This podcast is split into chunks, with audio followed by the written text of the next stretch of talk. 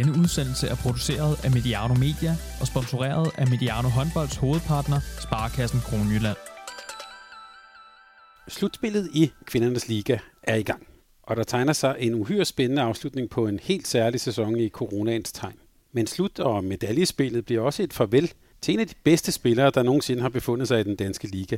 Hende skal vi møde i dag. Er det Nikke eller Nykke Groth? Nikke. Ja, Nikke, ja. Ja. Det er godt. Jeg har øvet mig lidt på. Nikke Groth, velkommen til Mediano Håndbold. Tak. Vi skal tale lidt på, øh, øh, på dansk i dag. Jeg får næsten lyst til at starte med, hvor, hvorfor er hollandske spillere egentlig så dygtige til at lære dansk? Um, altså jeg tror, fordi at sprogene ligner meget hinanden, um, og både danskere er også rigtig god til, uh, til at snakke hollandsk, så det er faktisk begge veje. Så vil jeg også lige starte med at spørge, nu, nu kaldte jeg dig jo en af de bedste spillere, der nogensinde har befundet sig i den danske liga. Hvordan har du det med sådan nogle betegnelser? Jeg synes, det lyder lidt voldsomt, uh, når det bliver sagt om en selv, uh, men det, det er da en kæmpe ros og skulderklap at få, når folk siger det. Men det vil jeg godt stå, stå ved her for hele Mediano håndbold.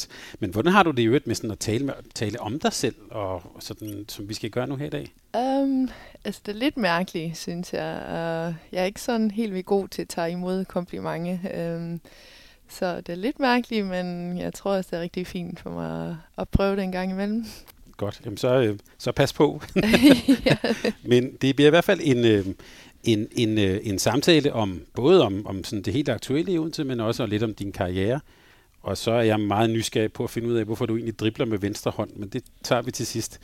øhm, men det er jo dit sidste slutspil i din sidste sæson. Det skal vi, den beslutning skal vi høre meget mere om. Men lige nu, mens vi taler sammen, så står jeg over for et slutspil mod Aarhus, mod Nykøbing og mod Viborg. Hvordan, øh, hvordan ser du frem til slutspillet? Øh, jamen, det er jo det, de sjove kampe starte, og det er det, vi har arbejdet hårdt for i hele sæsonen. Så jeg tror, det er altid noget, man glæder sig utrolig meget til. Øh, det bliver rigtig, rigtig spændende. Øh, vi har jo haft en hård kamp mod Vivo her for nylig, så dem, øh, dem har vi rigtig meget lyst til at møde igen og, og rette de tingene til. Øh, og de andre to hold øh, har jo ikke så, så meget pres på dem selv, så dem skal vi virkelig, virkelig også passe på. Sådan en kamp mod Viborg, du henviser til, er det sådan en, der, der bare giver sådan blod på tanden, øh, revancheløst?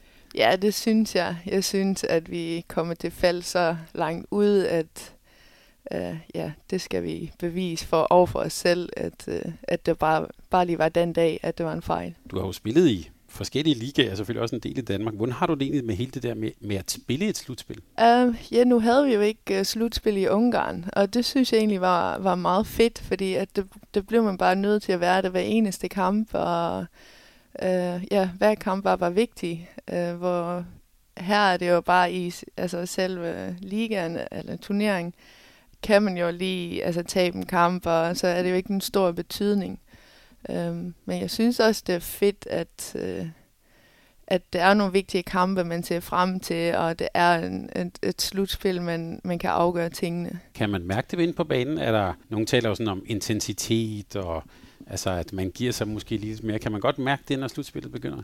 Ja, det synes jeg. Fordi det er jo nu, at det gælder, og det er nu, man skal bevise, at ja, hvor langt man har nået hele sæsonen. Du har jo været med i nogle år, som vi skal tale om. Hvordan, er det også, kan du også mærke det, ligesom at nu, det er nu, det bliver sjovt? Ja, altså man kan godt mærke, at man får lidt flere krille i maven, og altså, det er lidt nemmere at motivere sig selv øh, til, til de her kampe. Du kan stadig godt blive lidt nervøs for en kamp? Um, altså, jeg bliver ikke rigtig nervøs, men det er mere, at man glæder sig mere til, til en kamp. Og, og hvordan, hvor, hvor står holdet egentlig i Odense? Øh, I har jo haft en rigtig god sæson, og øh, så havde I en uge, der ikke var så god med, med Viborg og sådan. Hvor, hvor står I lige nu? Oh, jeg synes, det er svært at sige. Altså, vi har haft nogle skader undervejs. Øh, vi har haft mange nye spillere, spillere øh, som skulle spilles til, og det har taget lidt tid, men øh, ja, jeg synes, vi har vist i sæsonen, at vi kan spille noget rigtig godt håndbold og spille uafgjort mod Gør og vinde på udvand i Viborg. Øh, det var nogle rigtig fede kampe, hvor jeg virkelig vis, synes, vi viste øh, højt niveau. Øh, men så har vi også haft nogle udsving, hvor vi viste, at, øh, at vi ikke var så godt kørende, og hvor, hvor vi kunne se, at der stadig var en masse, vi skulle arbejde med. Så jeg håber, at vi har fået kunne rette tingene til, til slutspillet, og, og vi, er bare, vi er bare klar. Hvad er egentlig din rolle på det her hold? Um, Ja, altså jeg er nok en af de bærende spillere. Øhm, jeg styrer jo meget i angrebet sammen med Christian, og øh, det er nok min største rolle at, at sørge for, at spillet øh, fungerer.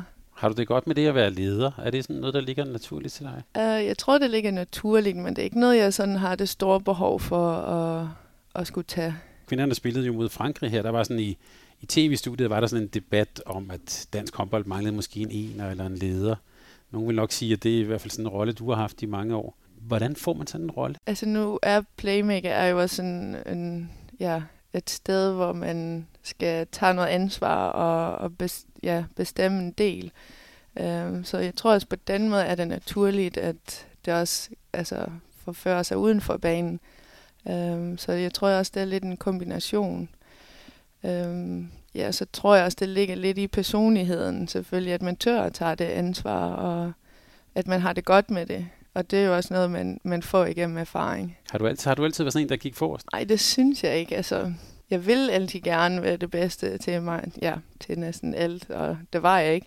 Men jeg har i hvert fald øh, haft altså, motivation til det, og på den måde gå for os og arbejde hårdt for tingene. Det kommer jeg til at spørge dig lidt mere til. Sådan, din, du fik jo debut meget ungt, har jeg slået op her på det hollandske landshold. Det skal vi også tale om. Men lige tilbage til slutspillet, Nikke. Hvad, hvad kommer til at afgøre det, tror du? At øh, alle holdene, altså hvis man ikke får nogle skader, jeg tror, det kommer til at betyde meget, hvem er mest klar, hvem er bedst spillet sammen, og hvem kan stå imod presset. Det tror jeg bliver mest vigtigt. Så det er op, altså, er slutspillet afgjort op i hovederne i virkeligheden? Det stor del, ja. Fordi at man kan jo ikke uh, crack under the pressure. Altså, mm. det, det er jo bare nu, det gælder, og det, det er jo et hårdt pres at være under, og det er ikke alle, det, det har stået i det så mange gange, og de skal jo også lære at stå i det og, og prøve det. Det er jo din sidste sæson, det skal jeg spørge dig om lige om lidt, men også en sæson med uden tilskuer. Altså med hele det her corona og sådan. Og nu taler du om pres. Der er jo ikke sådan en masse, der skriger i hallen i sådan et slutspil her. Hvad bliver det for nogle kampe? Ja, det er lidt svært at sige. Altså, det ville have været sjovere, hvis der var en masse tilskuere, og det var den pres også. Altså både altså når man spiller på hjemmebane, at man har det med sig, og, men også på udebane, når det er imod en. Øh, det er jo det, der er fedt ved, ved at spille et sport, at, øh, at der er så mange andre, der lever, ja, leve sig op i det, man gør ud, altså ind på banen. Så på den måde nu har vi også haft en hel sæson uden tilskuere, så altså jeg tror ikke, at det har en stor betydning, at det også er sådan i slutspillet. Men jeg håber stadigvæk, at måske til aller, aller sidst, at der må komme nogle tilskuere. Det får vi at se. Det, mens vi taler sammen, er det stadig lidt, lidt uvist. Hvordan har du øvrigt oplevet, nu, nu øh, nævnte vi, at du har jo spillet fire år i Gjøre i Ungarn.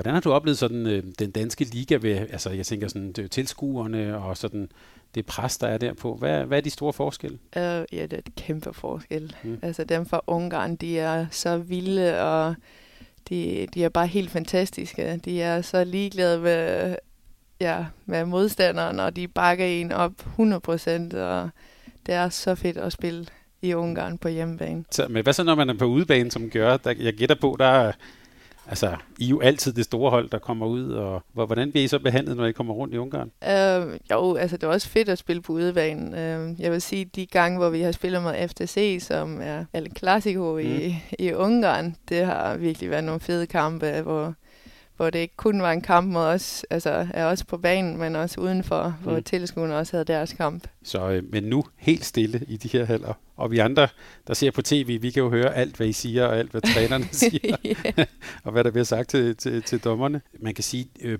både I og Team Esbjerg kom jo, I var tæt på, men altså med Champions League, det her med, der har du jo været adskillige gange. Hvad, hvad mangler de danske hold egentlig for at kunne komme helt op i sådan en Final Four? Altså når jeg tænker på Esbjerg, så mangler de måske lidt bredde. Nu har det, er det jo blevet ramt af nogle skader der. Jeg synes også, vi var tæt på, men vi mangler alligevel lidt erfaring og lidt mere kynisme, og øh, når tingene skal afgøres, og i, i, det kan være i enkelte situationer, at man er lidt klogere og ja, har lidt mere erfaring med sig. Kan du sige lidt mere om det der kynisme? Jeg kan sige til lytterne, vores ekspert Martin Albertsen, Schweiz landstræner, var inde på lidt det samme. Vi havde også en Champions League special med ham. Han nævnte også de danske hold og ordet kynisme sammen. Hvad, hvad er det for noget? Altså, jeg det er en diskussion, jeg har haft med flere mennesker, eller vi har i hvert fald snakket om det, og det er lidt svært at forklare, men når man kigger i Østeuropa, øh, så er øh, ja, tingene omkring håndbold og livet er jo bare anderledes, så de vil nok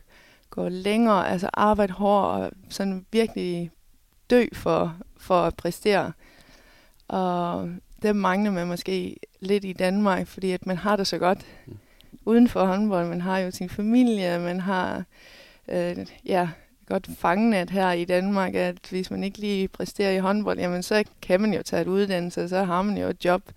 Og ja, jeg ved ikke, om det nogle gange er en, lidt en sovepude her i Danmark, at man har det så godt, som man har, at man måske mangler at give lidt, øh, ja, lidt det sidste. Var du en anden Nikke i, i Gøre, end du er, når du er i Odense? Ja, det synes jeg.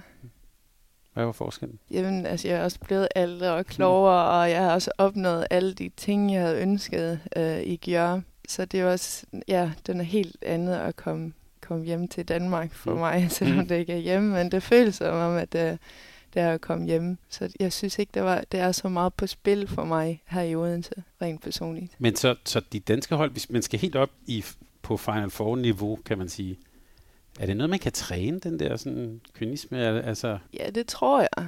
Det er bare om at være bevidst om det. Altså, hvor langt kan man gå? Altså, hvor, hvor hårdt træner jeg nu? Og altså virkelig se realistisk indad og kigge på sig selv. Giver jeg alt? Eller kunne jeg godt lide lidt mere, hvad er det, jeg skal øve? Hvordan lever jeg mit liv som idrætsudøver? Øh, sover jeg nok, spiser jeg rigtigt, får jeg nok behandling. Altså det, det er jo rigtig mange detaljer, det, det tæller med i en præstation. Så også, er det også lidt den der, hvad kan man sige, sådan agerighed, vil man sige på dansk, det der med, du sagde, du kom til, jeg hørte dig sige, du kom til at gøre med en masse drømme, som du fik opfyldt. Den der, det er vel også en agerig spiller, der så sådan et sted hen? Ja, lige præcis. Hele tiden lysten til at blive bedre og se, hvor, hvor man lige kan hente nogle, nogle ting. Og øh, nu nævnte vi, at det var din sidste sæson det vil jeg godt spørge dig lidt til. Det har vi nævnt et par gange. Nu skal man ikke altid tale om en kvindes alder, men du er jo bare 32 år. Hvorfor, vel, hvorfor vælger du at stoppe nu? Fordi at, øh, at jeg har en krop, der begynder at se rimelig meget fra. Øh, jeg synes ikke, det er, det er sjovt, at jeg hele tiden skal tage hensyn i forhold til træning, og ikke kan gøre tingene 100 procent. Og ja, jeg har haft nogle hårde år i, i Ungarn, og har opnået det, jeg ville. Så jeg synes, at jeg er glad, jeg, har, jeg er glad for min karriere, hvordan tingene er gået, og synes, det er fint for nu. Og uden du sådan skal blive alt for personlig, men hvad er det som den der sådan, ja, både din karriere, men også det der tætte program, hvad er det, det gør ved kroppen? Uh, jamen, det er jo en stor offring, man, uh, man gør for at opnå de ting. Uh, og det er jo et hårdt kampprogram, både med, med klub og Champions League og landshold. Og jeg synes, den, øh, den er alt for, for pakket. Øh, og jeg kan godt være lidt bekymret for, for de unge spillere, der, der er på vej til det program. Men er det, bare så jeg er med, øh, er det, er det, er det kampene, der er hårde? Er det, er det de mange rejser? Hvad er det, der, hvor er det, det gør ondt, han har sagt? Jamen, det er jo det hele sammen. Altså, når man kigger på håndboldens udvikling fra 20 år siden, er det jo noget helt andet øh, håndbold i dag. Øh, det er meget mere fysisk, det er meget hurtigere, øh, så det gør jo også, at kroppen tager imod meget mere tæsk, og det er jo bare meget større pres på kroppen i dag, end det var for mange år siden. Og det derimod bliver der også flere og flere kampe, så det er jo bare ja, en større, eller en øget pres på kroppen. Og da du valgte jo, det er jo allerede for nogle år siden, at takke nej til det hollandske landshold, selvom man kan sige, der var I også. Du har virkelig været på toppen med dem også. Hvorfor tog du den beslutning? Øh, fordi at jeg kunne mærke, at jeg blev nødt til at sige fra et sted for at kunne forlænge min karriere og for at kunne finde glæden igen i, i at kunne træne og, og spille de kampe. Og jeg synes, det blev, ja, det blev for meget, at jeg hele tiden var bagud. Jeg skulle hele tiden øh, tage mig selv sammen og tænke, okay, træning halvanden time. Kom så, det klarer vi. Og når det er, ja, lad os nu sige 70 procent af tiden, så, så er sæsonen altså lang. Hvis man tager øh, dig som international topspiller på kvindesiden 32 år, på herresiden ser man jo nogen, der, der kan man sige, der er lidt en tendens om, at man bliver lidt længere ved. Hvad, hvad, hvad er forskellen, tror du? Øh, ja, jeg ved ikke, om, om man er lidt fysisk stærkere, eller det er det jo, end vi er. Øh, men også i Tyskland kan vi også se, at de har vanvittige øh, kampprogram, og øh, jeg kan også se, at sådan en som Rasmus Lauke har valgt at tage til Ungarn for, øh, ja, at den liga der er jo heller ikke så meget pres på, så at han kan give kroppen lidt mere ro øh, en gang imellem, og det, og det var op til den enkelte spiller, altså bare fordi jeg har det sådan, er det jo ikke fordi, at øh, alle andre har det øh, på samme måde. Øh, jeg kan jo kun snakke ud for mig selv, men jeg håber, at jeg, altså jeg har jo også set, at der er flere, der har delt den samme øh, mening, så jeg håber også, at de, de lytter til det, der bliver sagt. Fordi i bund og grund er det jo, at man vil det bedste for håndbolden, og at kvaliteten skal være det, og, og ikke kvantiteten. Ja, der var nok nogen, blandt andet mig selv, der vil sige, det er jo, det er jo ikke et, et tegn på styrke, at sådan en som dig vælger at sige at holde op. Øh, vi taler også med Rasmus Lauke her på kanalen for nylig. Han, ja, han, han siger faktisk det samme som dig. Men han sagde også, at hans, øh, han har jo også, man kalder ham jo en duelspiller, man vil også sige, det var også noget, som du var dygtig til. Det var mange af de der slag på kroppen. Har du, er det også din oplevelse? Jeg er helt enig. Mm. Øh, jeg kan mærke, hvis jeg har haft nogle kampe, eller en kamp, hvor jeg har haft mange dueller, at så er jeg virkelig smadret dagen efter. Så mm. har jeg svært ved at komme ned ad trappen, og så der føler man sig som en øh, bedstemor for 70 år. Men øh, Nick, du startede jo meget tidligt, og du fik din debut allerede da du var 16 år, har jeg slået op her. Så det er jo, vi taler om sådan halvdelen af dit liv. Jeg, jeg kunne ikke lade være at tænke på, var det også for tidligt, at du begyndte at spille seniorhåndbold? Ja, det ved jeg ikke. Altså nu var niveauet i Holland jo også lidt noget andet end, end her i Danmark. Men altså på den måde har jeg jo haft en lang karriere, når man tænker på, at jeg startede så tidligt. Altså ja, det er 16 år på topplan. Det, det er jo lang tid. Men jeg, jeg spørger også, fordi der er jo den der diskussion om, altså det her med, at, at der er måske nogen, der kommer for tidligt frem og brænder for tidligt ud. Det kan man sige, det har du så ikke gjort, men, men du har så også haft 16 år på, øh, på topplan. Ja, altså nu startede jeg jo i Holstebro, hvor altså, jo, det var seriøst, men det spillede vi jo også første division de første par år. Men jo, altså håndbold har jo altid været det, altså det største del af mit liv, og som jeg har levet for. Men når det er så stor en del, så er det jo oplagt at spørge, hvad, hvad har du gjort der sådan af overvejelser om livet efter håndbold? ja, det spørgsmål har jeg fået mange gange. Mm. uh, jamen, jeg har tænkt mange tanker, og jeg tror, jeg kommer frem til, at jeg lige vil slappe af i et langt stykke tid og nyde den frihed, man endelig har, altså man ikke har som håndboldspiller. Så, um, det bliver en god sommer. ja, det, det håber jeg. Hvis corona også uh, tillader det. Så jeg tror, jeg tager i hvert fald noget tid for mig selv og kunne nyde den frihed, man endelig har. Men det, som man det man i hvert fald hører fra tidligere topspillere, der har også været noget tema om det i, i, i Danmark, Claus Møller Jacobsen har været ude. Han sagde, at han følte et eller andet form for tomrum, eller altså det der med at skulle sætte sig op til kamp og sådan noget, har jo været en stor del af dit, af dit liv. Har du gjort dig nogle tanker om det?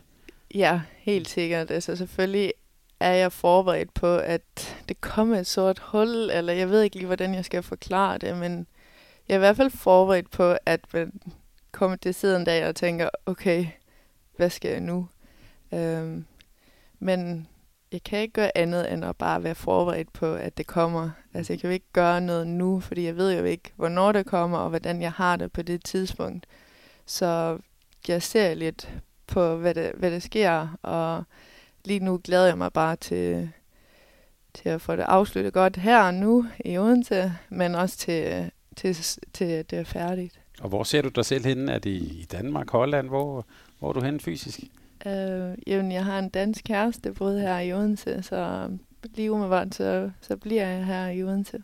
Godt, så vi, øh, vi mister dig ikke helt. Nej, ikke endnu. Når du sådan ser tilbage på, nu er 16 år og, og på så højt niveau, hvad har egentlig sådan øh, motiveret dig undervejs? Hvad har været sådan den der drivkraft?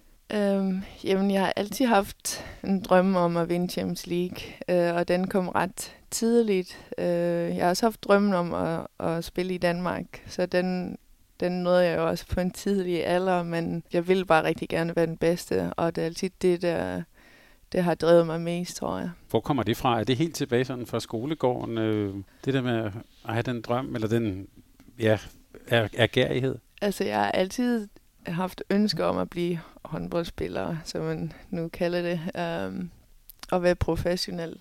Um, så ja, altså det, der har altid været drømmen, og min søster har spillet håndbold, og har også været rigtig god, så jeg har altid set op til hende, og altid sådan, ja, været nok lidt efteraber, og alt det hun vil, det, det vil jeg også.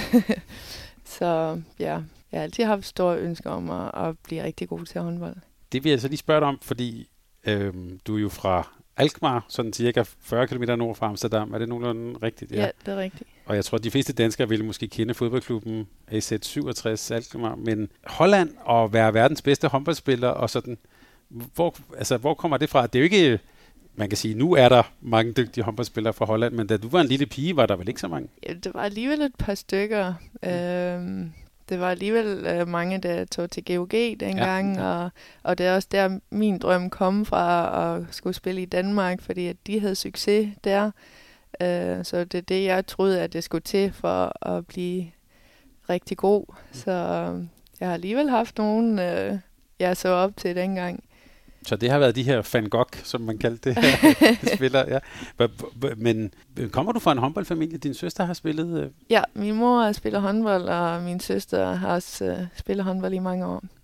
Hvordan var, hvordan var sådan, øh, han altså klubben og miljøet der i Alkmaar med, med håndbold? Altså, vi, vi kommer fra en lille by uden for Alkmaar, mm. som, uh, ja, som bare er et rigtig, en meget lille klub. Uh, og så røg vi videre til Alkmaar, øh, hvor det blev lidt mere seriøst, og så var vi et andet sted hen, som var endnu mere seriøst. Øh, så det er også bare at bygge sig lige så stille op, at øh, ja, hvis man ville mere, så, så tog man bare det næste skridt, og der var weekenden bare fyldt med håndbold og tre kampe i en, i en weekend, og spille med sit eget hold og øh, anden hold, og ja, og et hold over, så det, det var altid, altså tiden blev brugt på håndbold.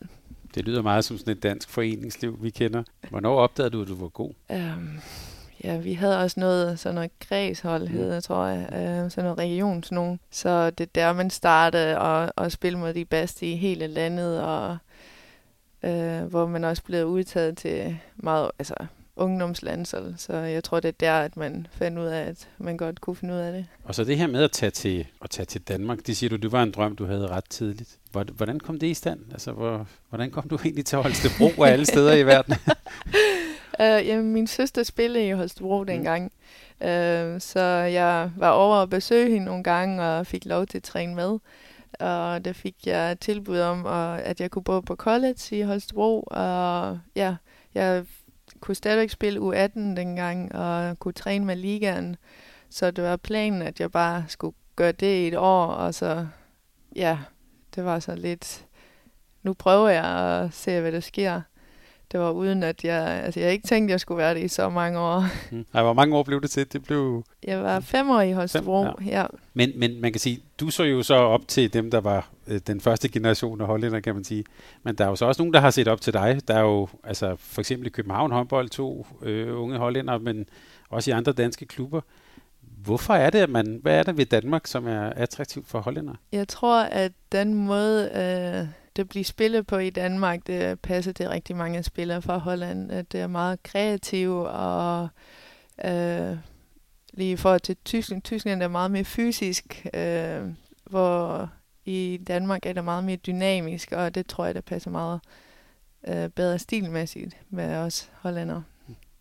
Hvor kommer det fra? Altså nogle lytterne vil er måske så gamle, at de kan huske også tilbage til hollandsk fodbold og Johan Cruyff og sådan den der øh, kreativitet. Øh, det, når man ser dig spille, det kan også være Pullman og så lignende, vil man også genkende det. Hvad, hvad handler det om? Hvor, hvorfor, hvorfor er det orange så kreativt? Ja, det er et godt spørgsmål. Mm. Uh, jeg ved ikke, om der er noget i vandet i Holland, der gør, at uh, vi tænker lidt anderledes. Uh, nej, det synes jeg er svært at svare på. Ja, men det, det er der skrevet meget, på fodboldsiden ved jeg, der er skrevet meget tykke bøger om, om, ja. om, om det. Det kunne være, at vi skulle lave en helt podcast om det, men, øh, men det er i hvert fald, kan man sige, men du tænker også, det er en stil, der passer godt til sådan en dansk tankegang. Ja, lige præcis. Altså, jeg ved ikke, om det er noget, vi øh, vokser op med i Holland. Altså, det er jo nogle spillere, jeg tror, at dem, der er mest kreative og forstår spillet, når også længst øh, i Holland. Øh, så ja, det matcher bare rigtig godt med Danmark. Men det var en ung alder, du tog, man kan sige, flytte hjemmefra, flytte til et andet land. Øh, hvordan var det? Uh, ja, det var, det var sjovt, men det var også hårdt. Uh, det, det er hårdt at være væk, altså langt væk fra familien, og at man ikke bare lige kan tage hjem, når man lige har brug for det. Uh, men jeg har virkelig haft nogle gode år, og især i Holstebro, jeg tror, det var en god klub at komme til. Uh, klubmæssigt er, var det jo enormt stærkt, uh, meget uh, imodkommende, og rigtig mange gode mennesker omkring klubben og, og i byen, så jeg tror, det var en god klub at komme til. Og også mange dygtige unge spillere, kan vi jo godt sige, du, ja. at du blev en del af. Øhm, men, men, øh, men det her med at, at tage ud, nu talte du lidt om, at vi i Danmark måske øhm, nogle gange måske næsten havde det for godt, eller var klædt ind. Altså, der er jo ikke mange danskere, der tager den anden vej, altså som tager ud i din alder. Er det, har de det for godt i Danmark? Jamen, den, det er jo også lidt dobbelt, fordi at den danske liga er jo også rigtig god, så hvorfor skulle man også søge væk, øh, når man har det godt, hvor man er? Øh, men på den anden måde, så tror jeg også, det er rigtig sundt for nogle danskere at prøve noget andet og se, øh, hvordan det sker i andre lande. Altså, det sker jo bare nogle, nogle sindssyge ting, og man tænker, hold da op, det vil aldrig ske i Danmark, eller i Holland, eller... Men man lærer rigtig meget af, af andre kulturer, og både som menneske, men også som håndboldspiller. Nu startede jeg med at spørge, at jeg gerne vil finde ud af, hvorfor du dribler med venstre hånd. Øh, men, men lidt til din, øh, til din spillestil, så lad os bare starte med det. Hvorfor dribler du egentlig med venstre hånd? øh, jamen, det ved jeg faktisk ikke. Det er noget, jeg altid har gjort. Det, den, jeg er bare bedre til at drible med venstre. Jeg har bare bedre styr på det.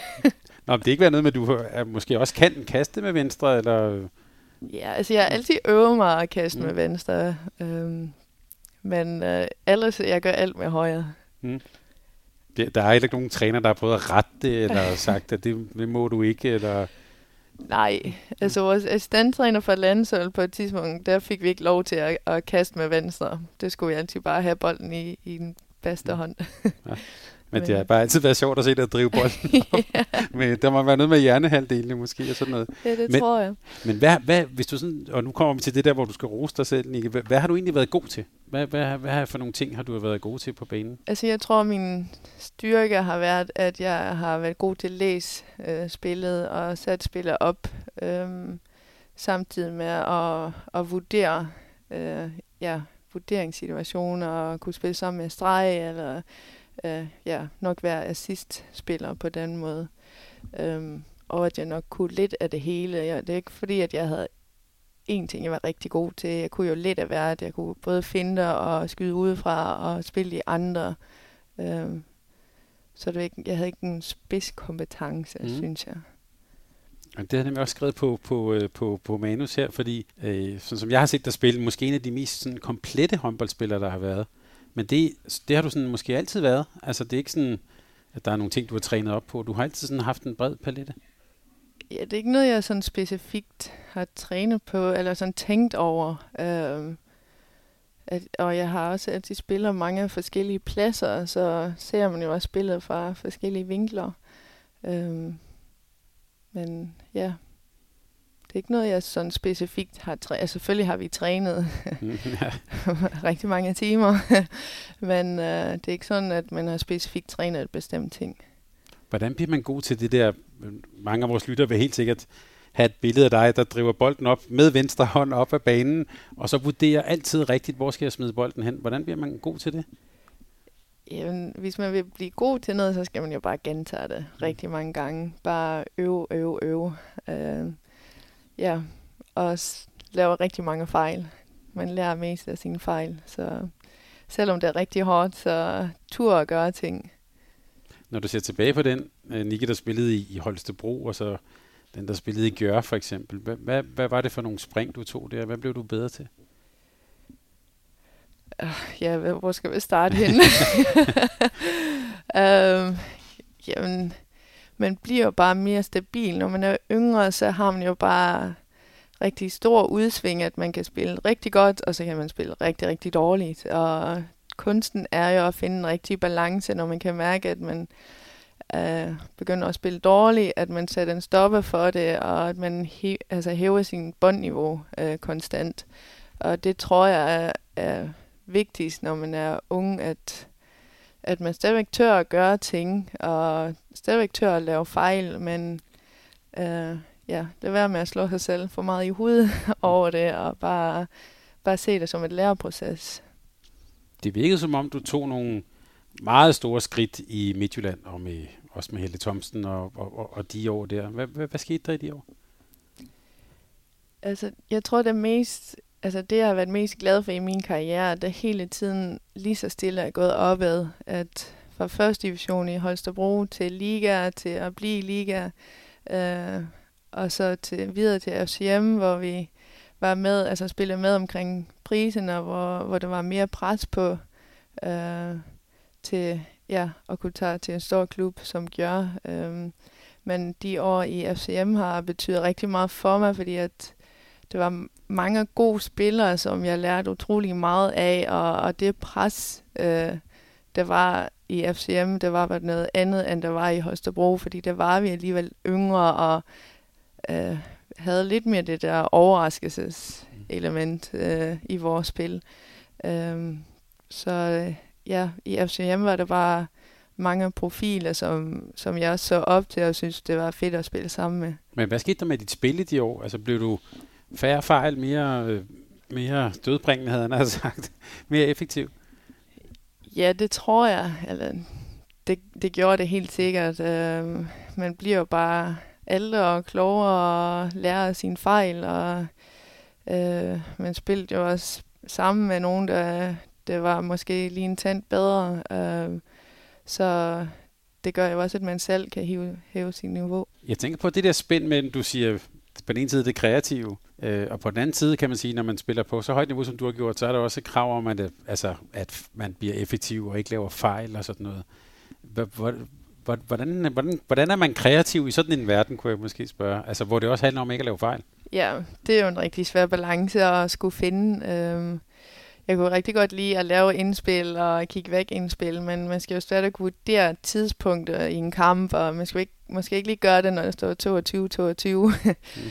og det er jo der, man lærer igennem erfaring, hvornår man lige kan sætte, og hvornår man lige kan uh, lave et vip, og uh, også hvordan sin madspil er, om de er meget uh, struktureret, eller om man godt kan være mere kreativ uh, i løsningerne. Mm. Så det er jo et samspil af mange, af mange ting. Har du også været med til at arbejde med sådan noget personprofil og sådan noget? Det må du næsten have. yep. ja. har du en kreativ profil? Uh, nej, jeg er faktisk meget struktureret. Okay. Hvordan passer de to ting sammen? uh, nej, jeg tror, det er en okay balance imellem uh, de to, men uh, igennem erfaring har jeg også fundet ud af, at når alle ved, hvad der kommer til at ske, så har man, øh, hvis det er en god plan, så, så når man langt. Så det er måske også lidt nemmere at være kreativ, når man har et, et eller andet fundament at være det ud fra. Lige præcis. Hvordan, øh, nu bliver jeg bare nysgerrig, hvordan er sådan et sted som gør og personprofiler og sådan noget, er det også noget, man arbejder med på, i sådan et sted?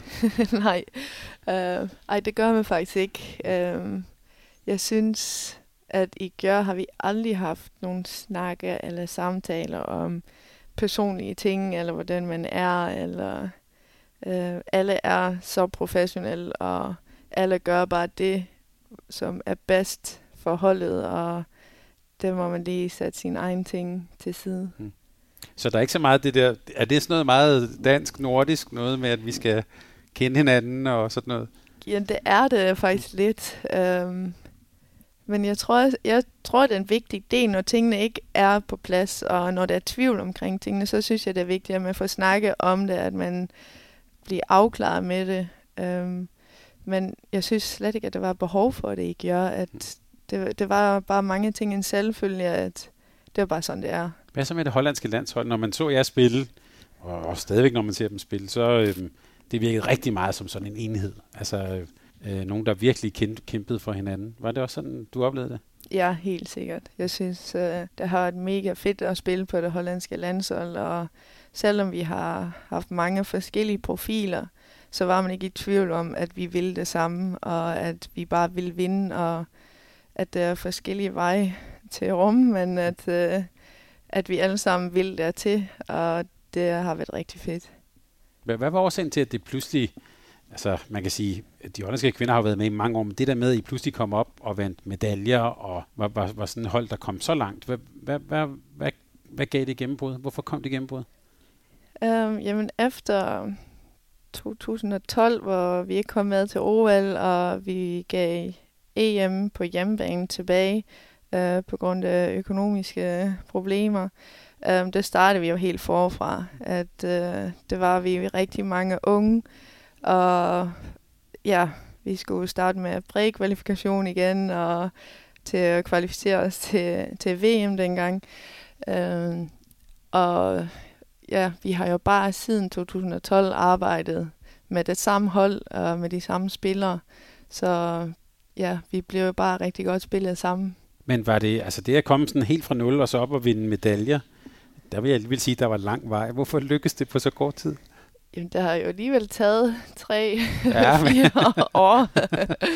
uh, ej, altså jeg tror, vi var en rigtig god kombination med unge spillere, og også det blev lidt ældre, men vi var alligevel meget agerige og stadigvæk unge, og vi ville det bare gerne. Og vi, i de år op til vores første medalje, var vi hele tiden tæt på, men så tabte vi lige til sidst, eller det, lige på de vigtigste tidspunkter, så var vi det ikke. Og det er jo rigtig hårdt, men det lærer man jo også rigtig meget af, fordi når man ikke står i de situationer, så føler man heller ikke, hvor, hvor meget man ønsker, eller hvor meget man vil tingene. Og jeg tror, at de gange var vi bare så ramt og så ked af det, at vi ikke lykkedes med, med tingene, at vi bare alle sammen stod sammen og tænkte, vi skal bare arbejde endnu hårdere for det. Og ja, det er rigtig fedt, at, at det lykkedes.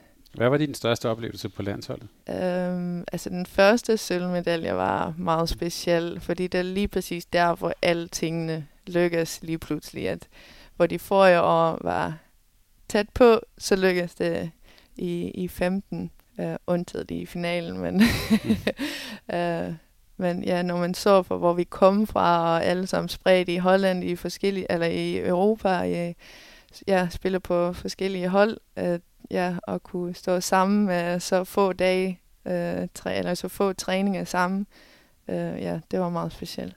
Hvordan var det at se VM i, i Japan med, med Holland der? det var meget specielt.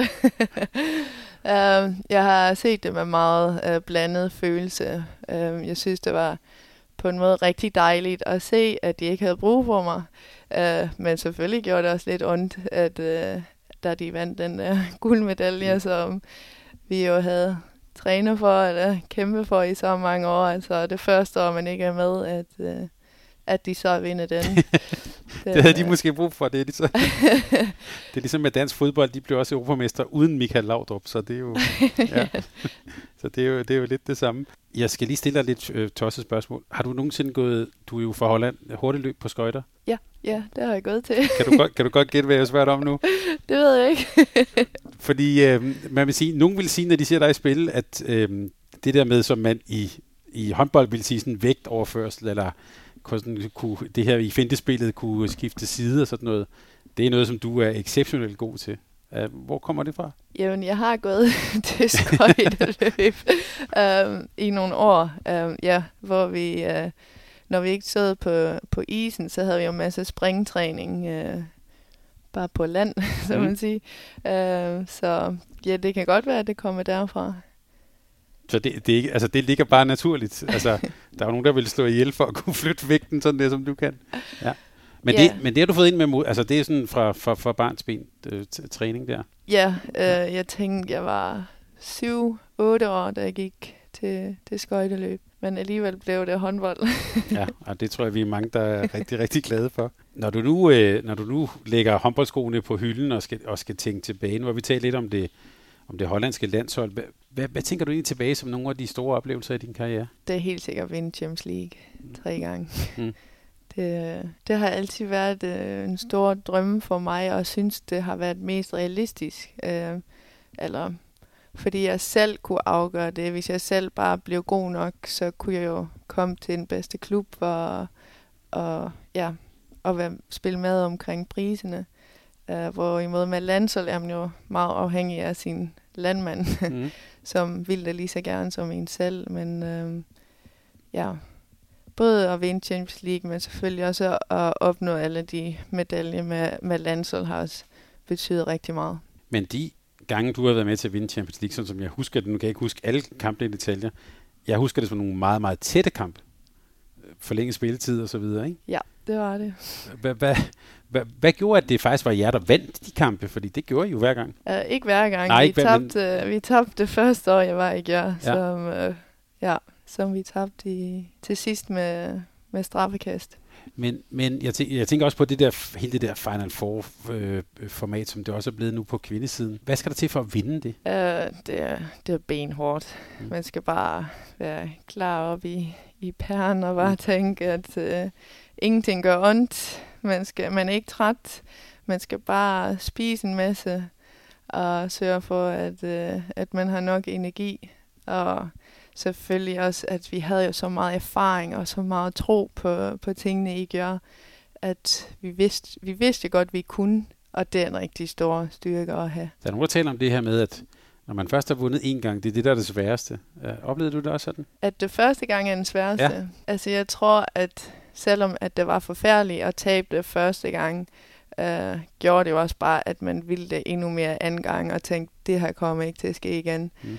Øh, så selvom det blev rigtig spændende igen med forlænget spilletid, så ja, så var det, vi, vi stod bare så stærke som hold, og vi stod så godt sammen, at det, det er en fantastisk følelse at have.